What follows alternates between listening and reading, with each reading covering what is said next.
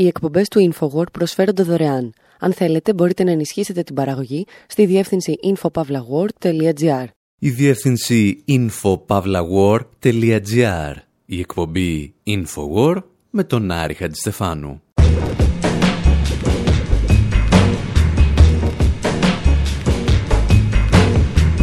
όπου σήμερα αφιερώνουμε μερικές μουσικές και φωτογραφικές ιστορίες στον Γιάννη Μπεχράκη, έναν από τους σημαντικότερους φωτορεπόρτερ της εποχής μας που δεν είναι πια μαζί μας.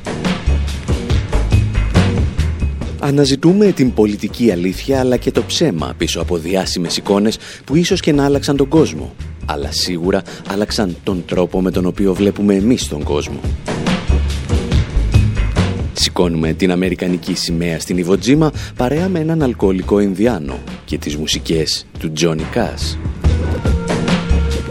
Στεκόμαστε ακίνητοι όπως ένας Κινέζος με λευκό πουκάμισο μπροστά σε άρματα μάχη στην πλατεία Τιέναν του Πεκίνου ή όπως ένα σκελετωμένο παιδάκι μπροστά σε ένα γήπα.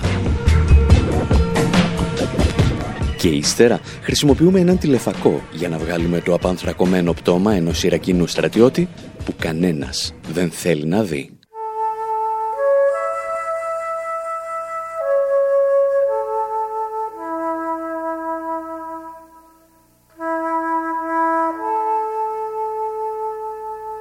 Ira Hayes, Ira Hayes, call him drunken Ira Hayes, he won't answer anymore. Not the whiskey drinking Indian, nor the Marine that went to war.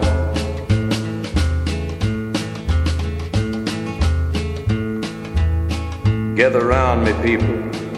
There's a story I would tell about a brave young Indian you should remember well. From the land of the Pima Indian, a proud and noble band who farmed the Phoenix Valley in Arizona land. Down their ditches a thousand years, the waters grew Ira's people's crops, till the white man stole their water rights and the sparkling water stopped. Now Ira's folks were hungry, and their land grew crops of weeds. When war came, Ira volunteered and forgot the white man's greed. Call him drunken Ira Hayes, he won't answer anymore. Not the whiskey drinking Indian, nor the Marine that went to war. There they battled up Iwo Jima Hill, 250 men, but only 27 lived to walk back down again. And when the fight was over, and old glory raised, among the men who held it high was the Indian Ira Hayes.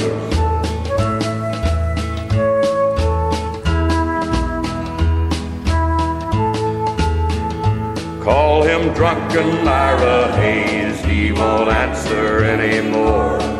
Not the whiskey drinking Indian nor the Marine that went to war.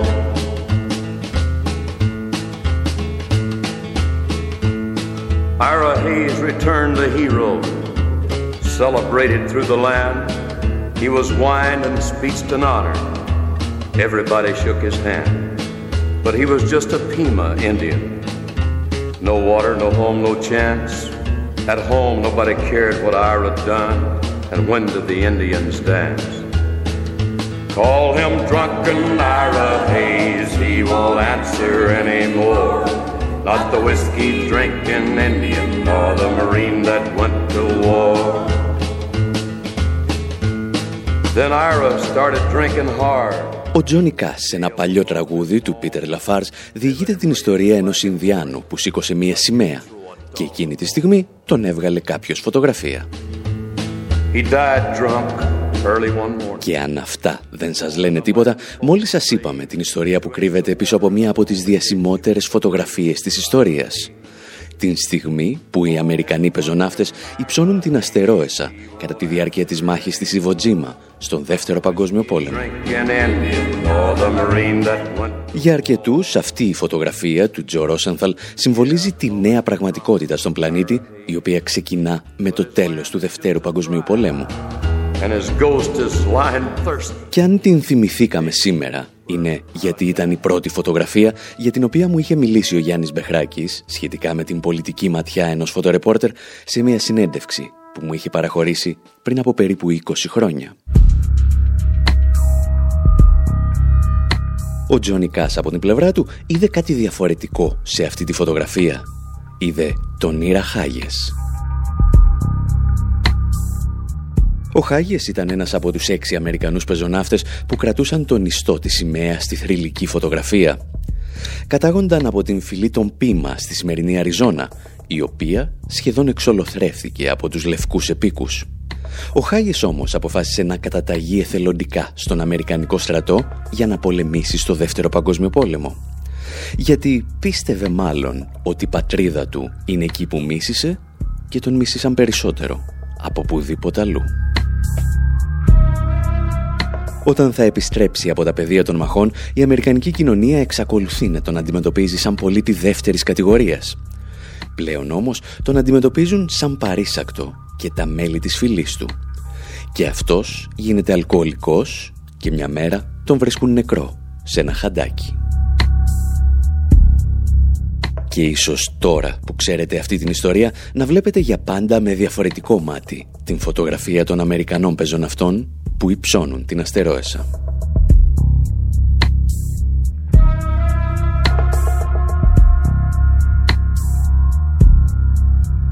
Ενώ λοιπόν η Αμερική ήθελε πάντα να βλέπουμε τη συγκεκριμένη φωτογραφία, χωρίς να γνωρίζουμε την ιστορία που κρύβεται πίσω της, υπήρχε μία άλλη φωτογραφία, την οποία δεν ήθελε να δούμε ποτέ. Για όλα αυτά όμως, θα πρέπει να ακούσετε πρώτα αυτό εδώ το τραγούδι. Cobras flying in the sun, killing gooks is macho fun. It's one pregnant, it's two for one. Napalm sticks to kids.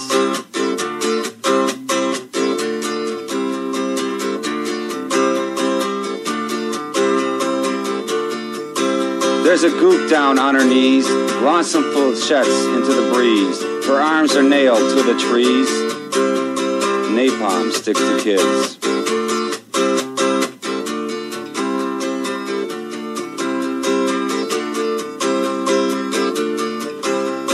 Blues out on a road recon, see some children with their mom. What the hell, let's drop the bomb. Napalm sticks to kids.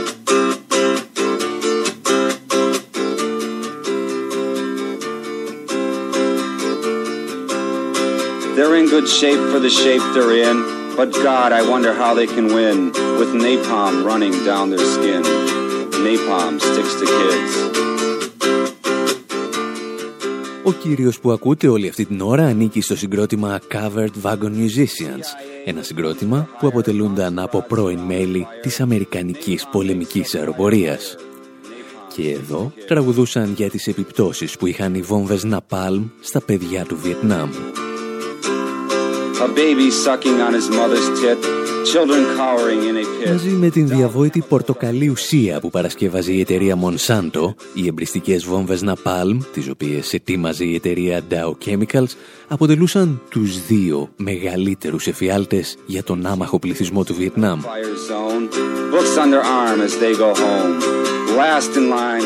Ίσως όμως κανένας να μην είχε δώσει ιδιαίτερη σημασία εάν ένας φωτογράφος δεν σήκωνε μια μέρα τη μηχανή του για να καταγράψει ένα κοριτσάκι που είχε μόλις καεί ζωντανό από μια βόμβα Ναπάλ. Παρά το γεγονός ότι το συγκεκριμένο στιγμιότυπο κινηματογραφήθηκε ήταν η φωτογραφία του Nick Out από το Associated Press που θα έκανε το γύρο του κόσμου. Αρχικά οι αρχισυντάκτες του New York Times αρνήθηκαν να δημοσιεύσουν τη φωτογραφία. Ύστερα όμως από μια θυελώδη σύσκεψη έδωσαν το πράσινο φως. Την επόμενη μέρα η Αμερική έβλεπε μία από τις πιο συγκλονιστικές και φρικτές εικόνες του πολέμου και ο λευκός οίκος του πρόεδρου Νίξον ένιωθε την καυτή ανάσα του αντιπολεμικού κινήματος να τον κυκλώνει. Όπως αποκαλύφθηκε μερικά χρόνια αργότερα από τις ηχογραφημένες συνομιλίες του Πρόεδρου, ο φόβος από την κυκλοφορία της φωτογραφίας ήταν τόσο μεγάλος, ώστε ο Νίξον άφηνε να διαρρέει ότι πρόκειται για προβοκάτσια και ότι το περιστατικό δεν συνέβη ποτέ.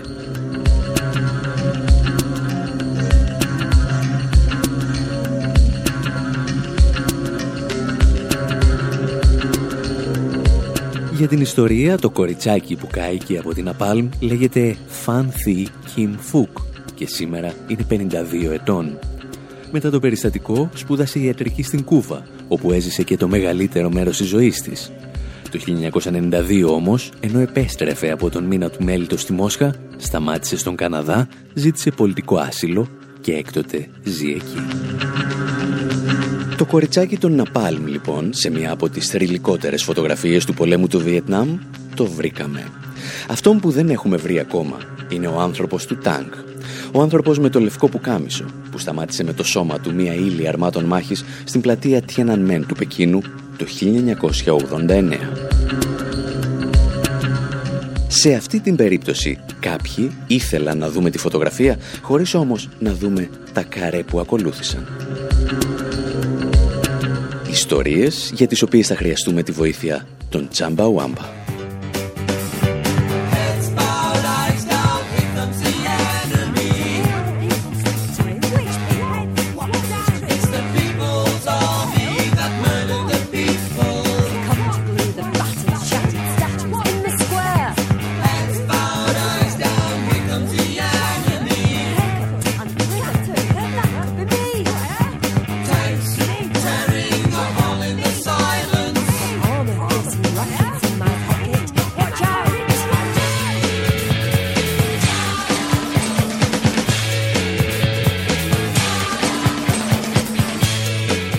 Τσαμπαουάμπα τραγουδούν μεταξύ άλλων για τον άνθρωπο με το λευκό πουκάμισο που σταμάτησε την πορεία των αρμάτων μάχης εκείνο το πρωινό της 5ης Ιουνίου του 1989.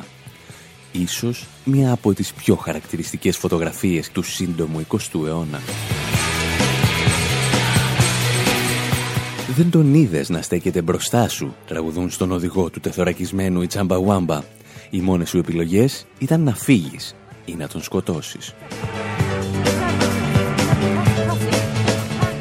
Στο συγκεκριμένο σημείο βέβαια θα διαφωνήσουμε ελαφρώς με τους Τσαμπαουάμπα και θα τους δώσουμε σαν μοναδικό ελαφρυντικό το γεγονός ότι τα διεθνή μέσα ενημέρωσης για σχεδόν ένα τέταρτο του αιώνα φροντίζουν να μην μας δείχνουν ολόκληρο το βίντεο από εκείνη την ημέρα. Ελάχιστοι έχουν δει χάρη ότι το πλήρωμα του τάγκ, αφού δεν κατάφερε να προσπεράσει τον άνθρωπο με το λευκό πουκάμισο, έσβησε τη μηχανή του. Ο άνδρας με το πουκάμισο ανέβηκε πάνω στο άρμα μάχης και είχε μια σύντομη συνομιλία με τα μέλη του πληρώματος. Ύστερα κατέβηκε και πάλι και συνέχισε να παρεμποδίζει την πορεία των τάγκς μέχρι που δύο άτομα από το πλήθος ήρθαν και τον απομάκρυναν. Μήπως μειώνει αυτή η διήγηση τον ηρωισμό του ανθρώπου με το λευκό πουκάμισο; Μήπως πάλι μειώνει τη βαρβαρότητα που είχε επιδείξει το καθεστώς; Σε καμία περίπτωση.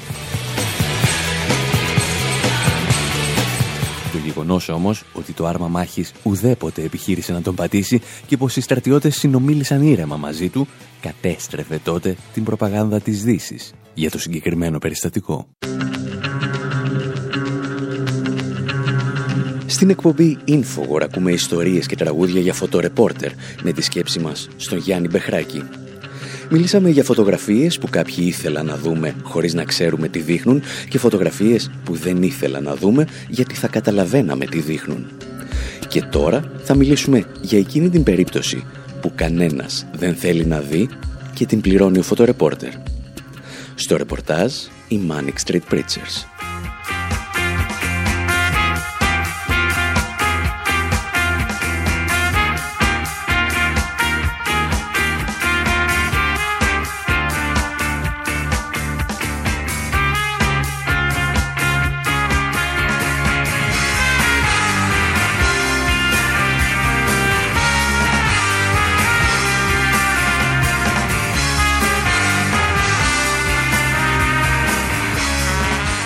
Kevin Carter τραγουδούν οι Manic Street Preachers, το όνομα ενός λευκού φωτορεπόρτερ από την Νότια Αφρική, ο οποίος έμεινε στην ιστορία για μία του φωτογραφία. Ο Κάρτερ σε μια αποστολή στο Σουδάν το 1993 συνάντησε ένα εξουθενωμένο ανήλικο κοριτσάκι το οποίο αναζητούσε τροφή.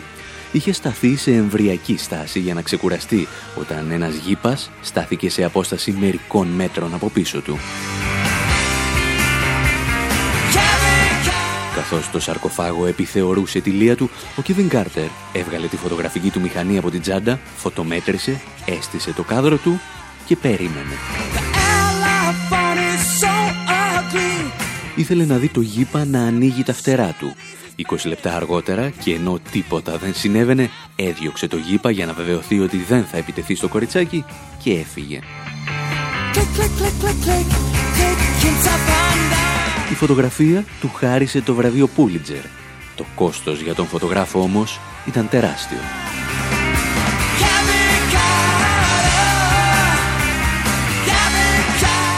Καθώς η φωτογραφία έκανε το γύρο του κόσμου αποκαλύπτοντας το μέγεθος της τραγωδίας στο Σουδάν, ο Κίβιν Κάρτερ άρχισε να λαμβάνει επιστολές και να διαβάζει κείμενα για το έργο του.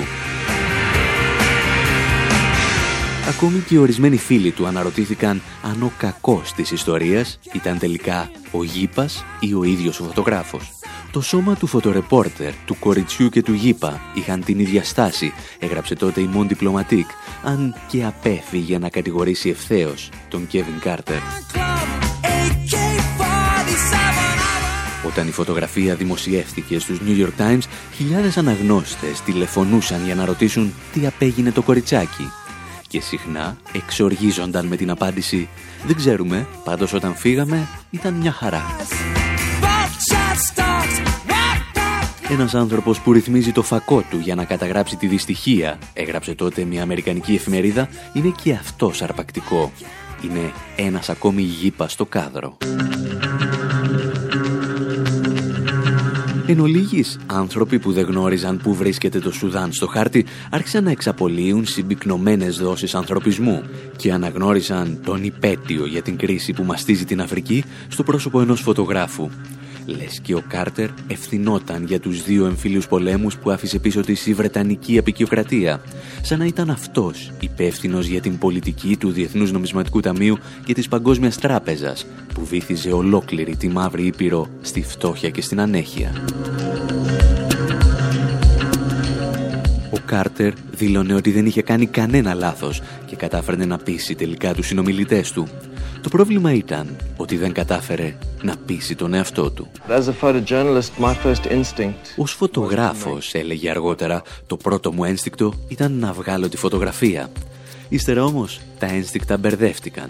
Για την ακρίβεια φαίνεται πως ο φωτογράφος της ιστορίας μας έχασε το βασικό ένστικτο της αυτοσυντήρησης.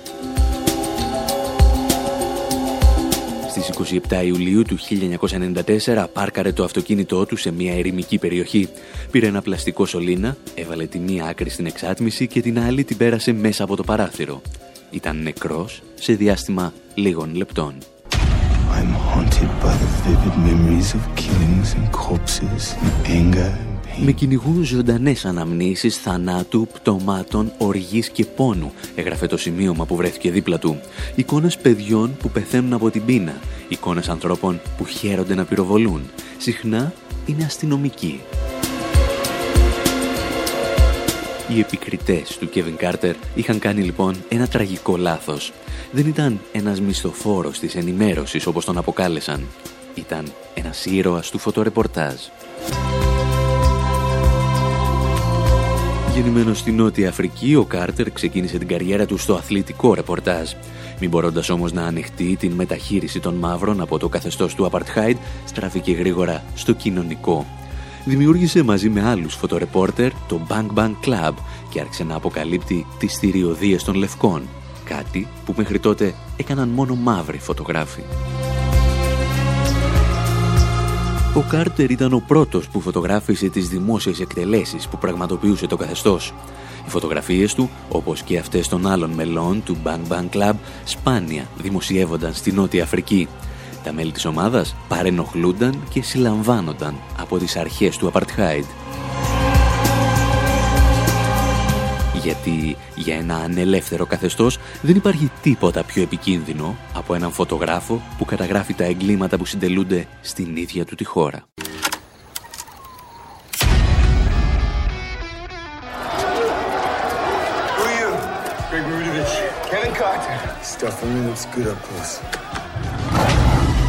Σχεδόν μία δεκαετία μετά την αυτοκτονία του νότιο Αφρικανού φωτογράφου, ένας σκηνοθέτης, ο Νταν Κράους, γύρισε μία ταινία μικρού μήκους για τον Κάρτερ, η οποία είχε προταθεί μάλιστα και για Όσκαρ. Και το 2010 η ιστορία του Κέβιν Κάρτερ επανήλθε στη μεγάλη οθόνη με την ταινία Bank Bank Club. I don't date Εμείς πάλι κάπου εδώ θα κάνουμε το γνωστό μας διάλειμμα και θα επιστρέψουμε με περισσότερες μουσικές και περισσότερες ιστορίες για φωτογραφίες σε μια εκπομπή αφιερωμένη στον Γιάννη Μπεχράκη.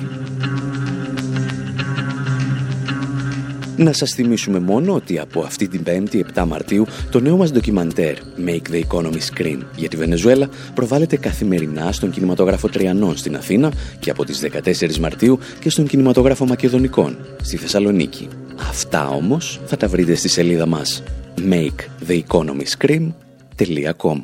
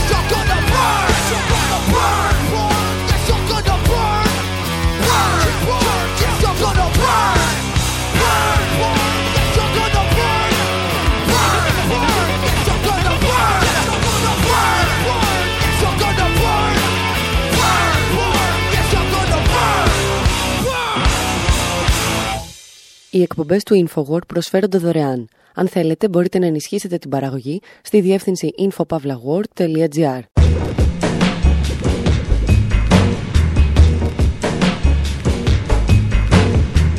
Εκπομπή InfoWord, μέρος δεύτερο. Όπου ακούμε ιστορίες για διάσημες φωτογραφίες και τα τραγούδια που τις συνόδευσαν. Σε μια εκπομπή αφιερωμένη στον Γιάννη Μπεχράκη. Θυμόμαστε τη φράση του ότι έβγαζε φωτογραφίες για να μην μπορεί κανείς να πει ότι δεν ήξερε. Και να ρωτιόμαστε τι σημαίνει τελικά αυτό για την τελική εικόνα που φτάνει στα μάτια μας.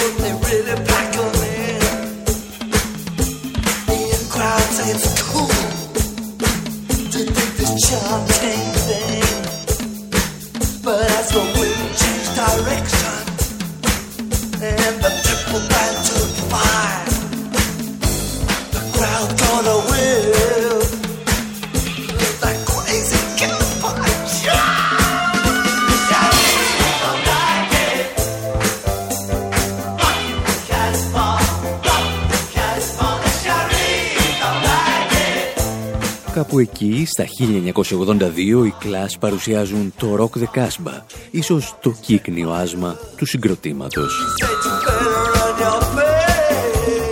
Τραγουδούν για αυταρχικούς Άραβες ηγέτες που δεν θέλουν να ακούν ροκ μουσική. Και τη λύση στο δράμα δίνουν οι πιλότοι μαχητικών αεροσκαφών που βομβαρδίζουν κατοικημένες περιοχές ανάμεσα στους μιναρέδες. Το πρόβλημα όμως, όπως γνωρίζετε με τους κλάς, είναι ότι δεν τραγουδούσαν για το παρελθόν, αλλά συνήθως προέβλεπαν το μέλλον. Αν με το τραγούδι τους The Guns of Brixton προέβλεψαν τις αναταραχές στο Brixton του Λονδίνου, με το Rock the Casbah προέβλεψαν ότι 10 χρόνια αργότερα κάποιοι πιλότοι πολεμικών αεροσκαφών θα άκουγαν την ίδια μουσική ενώ βομβάρδιζαν κατοικημένες περιοχές ανάμεσα στους μιναρέδες της Βαγδάτης. Όπως ίσως γνωρίζετε, το Rock the Casbah ήταν το πρώτο τραγούδι που μετέδωσε ο ραδιοφωνικό σταθμό των Αμερικανικών ενόπλων δυνάμεων καθώς ξεκινούσαν οι βομβαρδισμοί του Ιράκ στον πρώτο πόλεμο του Περσικού κόλπου. Και αν πιστέψουμε τη σχετική φιλολογία, όταν ο Τζο Στράμερ τον Κλάς έμαθε ότι ένας πόλεμος ξεκίνησε με ένα δικό του τραγούδι, ξέσπασε σε λιγμούς. Αυτό που μας ενδιαφέρει όμως στη σημερινή εκπομπή δεν είναι ούτε τι άκουγαν οι πιλότοι των Αμερικανικών μαχητικών, ούτε ποιος είχε γράψει το τραγούδι. Γιατί σήμερα μιλάμε για τους ανθρώπους που κάλυπταν δημοσιογραφικά αυτό τον βρώμικο πόλεμο. Ο πρώτος πόλεμος του κόλπου, εκτός από χιλιάδες νεκρούς, θα μας δώσει και το λεγόμενο φαινόμενο του CNN, όπου δημοσιογραφία δεν είναι πλέον να καλύπτεις αυτά που συνέβησαν, αλλά να μεταδίδεις αυτά που συμβαίνουν. Όσοι έχετε διαβάσει το βιβλίο «Η εποχή των άκρων» θα θυμάστε ότι ο Έρικ Χόψμπαουμ έκανε μια διάκριση στις πολεμικές αναμετρήσεις ανάλογα με το κατά πόσο ο πληθυσμός μιας χώρας γνώριζε τι συνέβαινε στα πεδία των μαχών. Στην πρώτη περίπτωση πολέμων που φτάνουν μέχρι και το 19ο αιώνα, οι πολίτες μιας χώρας μπορεί να μην γνώριζαν καν ότι η χώρα τους βρίσκεται σε εμπόλεμη κατάσταση. Αντιθέτως, ο 20ος αιώνας θα μας δώσει τους ολοκληρωτικούς πολέμους. Το σύνολο της κοινωνίας και όλη η παραγωγική δυναμική της οικονομίας αφιερώνεται στις ανάγκες των πολεμικών αναμετρήσεων. Γιατί, ως γνωστόν, μόνο έτσι μπορεί να ξεπεράσει και ο καπιταλισμός τις δομικές του ανομαλίες. Στον πόλεμο του κόλπου όμως έχουμε μια τρίτη περίπτωση πολεμικών αναμετρήσεων. Η κοινωνία μπορεί να μην συμμετέχει άμεσα στην πολεμική προσπάθεια, αλλά γνωρίζει σε απευθείας μάλιστα μετάδοση τις εξελίξεις από τα πεδία των μαχών. Ή τουλάχιστον έτσι νομίζει, γιατί στην πραγματικότητα το μόνο που γνωρίζει είναι ότι γνώριζαν και οι κάτοικοι της μεσαιωνικής Ευρώπης για τις μάχες της εποχής τους. Για να σας το εξηγήσουμε όμως αυτό καλύτερα, θα χρειαστούμε τη βοήθεια των Iron Maiden, που σε αντίθεση με τους Clash δεν τραγούδησαν την πρώτη ημέρα του πολέμου, αλλά την τελευταία.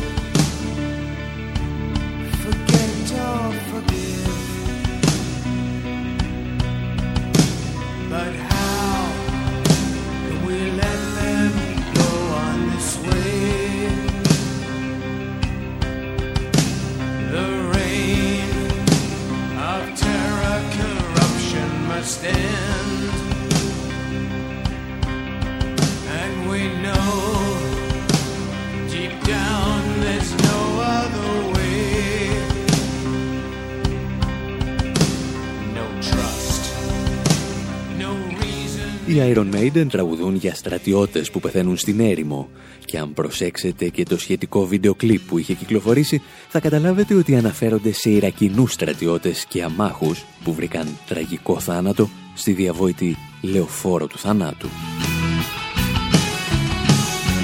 Η λεωφόρος του θανάτου ήταν ο αυτοκινητόδρομος 80 που συνέδεε την πόλη του Κουβέιτ με το Ιράκ και συγκεκριμένα με τη Βασόρα. Στις 26 Φεβρουαρίου του 1991 οι Ιρακινές δυνάμεις αποχωρούσαν από το Κουβέιτ, όπως όριζε η απόφαση 660 των Ηνωμένων Εθνών. Μαζί τους αποχωρούσαν από το Κουβέιτ και χιλιάδες πρόσφυγες, κυρίως γυναίκες και παιδιά που κινούνταν κατά μήκος του παράλληλου αυτοκινητόδρομου 8.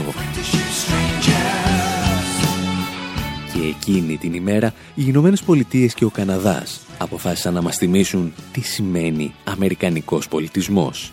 Τι σημαίνει να επιτίθεσαι πισόπλατα σε κάποιον που έχει σηκώσει ουσιαστικά τη λευκή σημαία και παραδίδεται.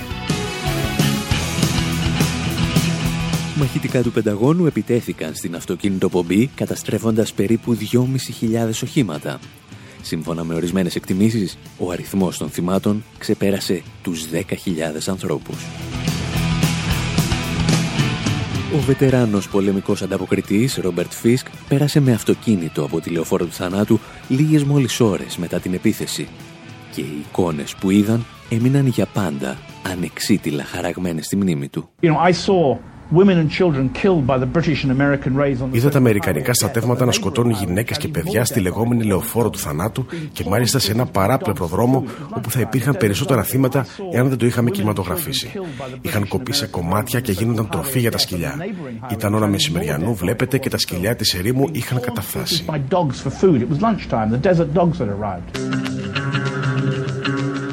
Αυτές οι εικόνες που περιέγραφε ο Ρόμπερτ Φίσκ δεν έφτασαν ποτέ ή έφτασαν με μεγάλη καθυστέρηση και αποσπασματικά στην κοινή γνώμη της Δύσης. Και αυτό δεν αφορούσε μόνο τις εικόνες των κομματιασμένων παιδιών που τα έτρωγαν τα σκυλιά της ερήμου, αλλά και μία από τις πιο θρηλυκές φωτογραφίες του 20ου αιώνα. Τις ίδιες ημέρες που βρέθηκε στην περιοχή ο Ρόμπερτ Φίσκ ταξίδευε στη λεωφόρο του θανάτου και ο φωτορεπόρτερ Κεν Τζάρεκ, τον Τζάρεκ συνόδευε ένας αξιωματούχος του Αμερικανικού Πενταγώνου. Κάποια στιγμή σταμάτησαν στη μέση του δρόμου, δίπλα σε ένα βομβαρδισμένο φορτηγό και κατέβηκαν να δουν τι είχε συμβεί. Από την πόρτα του φορτηγού φαινόταν το απανθρακωμένο πτώμα ενός σειρακινού που όπως μπορούσαν να καταλάβουν προσπαθούσε να ξεφύγει από το φλεγόμενο όχημα αλλά κάηκε ζωντανός. Το σώμα του θύμιζε τα πτώματα της Πομπιείας που έμειναν σχεδόν ανέπαφα όταν η λάβα του Βεζούβιου κάλυψε ολόκληρη την πόλη. Ο Αμερικανός αξιωματούχος προσπάθησε να αποτρέψει τον Τζάρεκ από το να τραβήξει αυτή τη φωτογραφία, αλλά δεν τα κατάφερε. Ίσως να μην ανησυχούσε και πολύ, γιατί γνώριζε τι θα ακολουθούσε. Για τις επόμενες ημέρες ο Τζάρεκ προσπαθούσε να στείλει τη φωτογραφία του σε διεθνή πρακτορία, αλλά έβρισκε σχεδόν όλες τις πόρτες κλειστές. Η φωτογραφία διέλυε το μύθο των χειρουργικών χτυπημάτων που προωθούσαν οι αξιωματούχοι του Πενταγώνου και οι υποτελείς δημοσιογράφοι τους σε όλο τον κόσμο. Ουσιαστικά έδειχνε, όπως εξηγούσε αργότερα και ο Ρόμπερτ Φίσκ σε μια ομιλία του, αυτό που κανένας δεν θέλει να βλέπετε σε έναν πόλεμο. αν βλέπατε αυτά που εμείς βλέπουμε στους πολέμους, αν έβλεπες να χάνονται συνάδελφοι και φίλοι που κατάγονταν από αυτές τις περιοχές, δεν θα υποστήριζες ποτέ ξανά στη ζωή σου οποιονδήποτε πόλεμο.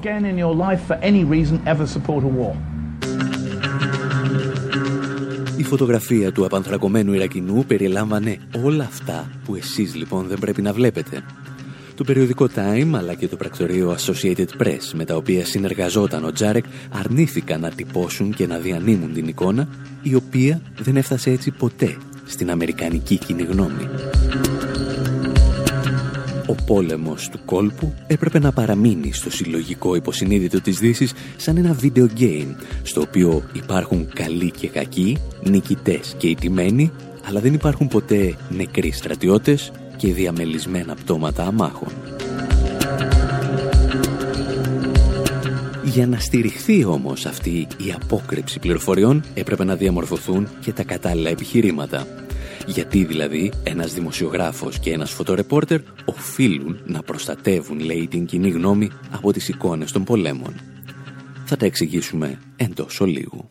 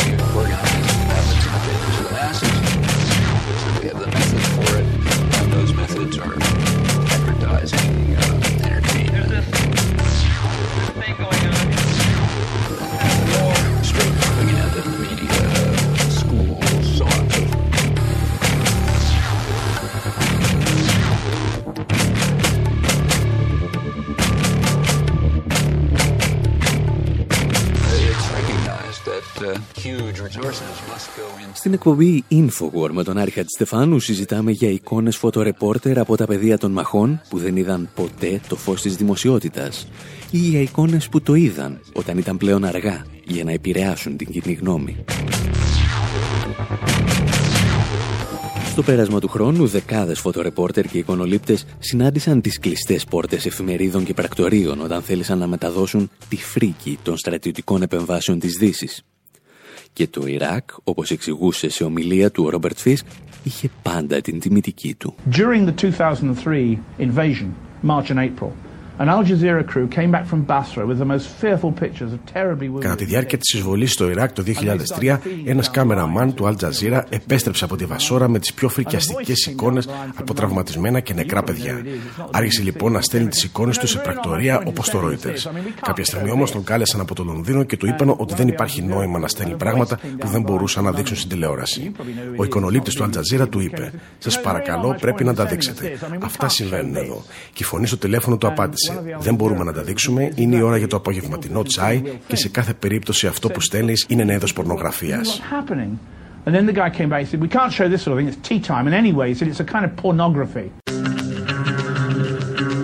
Ο Ρόμπερτ Φίσκ ήταν αυτίκος μάρτυρας, καθώς ο κάμεραμαν του Αλτζαζίρα προσπαθούσε να δημοσιεύσει το συγκλονιστικό υλικό που είχε στη διάθεσή του.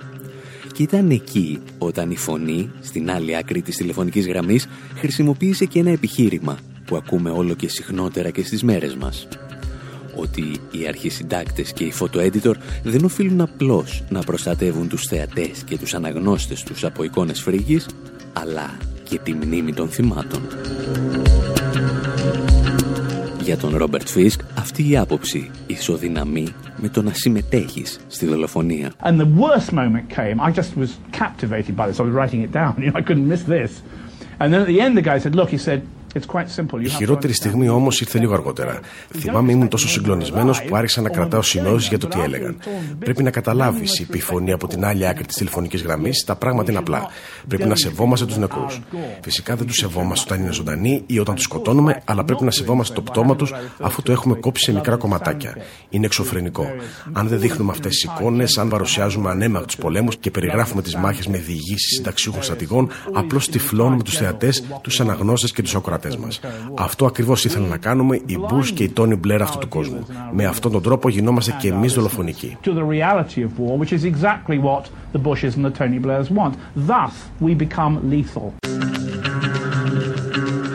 Το επιχείρημα ότι οφείλεις να προστατεύεις τη μνήμη των θυμάτων ακούστηκε καθώς η Μεσόγειος συνέχιζε να ξεβράζει τα πτώματα ανήλικων που στην προσπάθειά τους να ξεφύγουν από τα πεδία των μαχών έπεφταν στα τείχη της Ευρώπης φρούριο.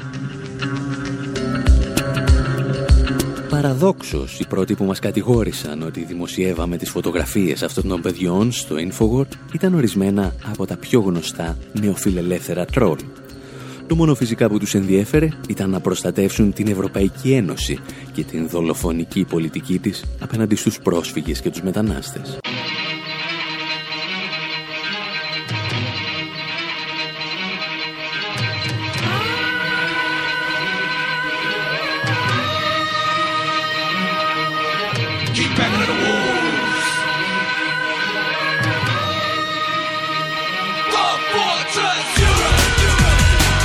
Κάπου εδώ όμως και εμείς θα σας αφήσουμε για αυτή την εβδομάδα. Αν είστε στην Αθήνα, σας περιμένουμε καθημερινά στον κινηματογράφο Τριανών, όπου παίζεται από τις 7 Μαρτίου το νέο μας ντοκιμαντέρ Make the Economy Scream για τη Βενεζουέλα. Τις ακριβείς ώρες προβολών όμως, καθώς και το τι έγραψαν κάποιοι κριτικοί κινηματογράφου για εμάς, θα τα βρείτε στη διεύθυνση maketheeconomyscream.com Μέχρι την επόμενη εβδομάδα, από τον Άρη Χατζηστεφάνου στο μικρόφωνο και τον Δημήτρη Σταθόπουλο στην τεχνική επιμέλεια, γεια σας και χαρά σας.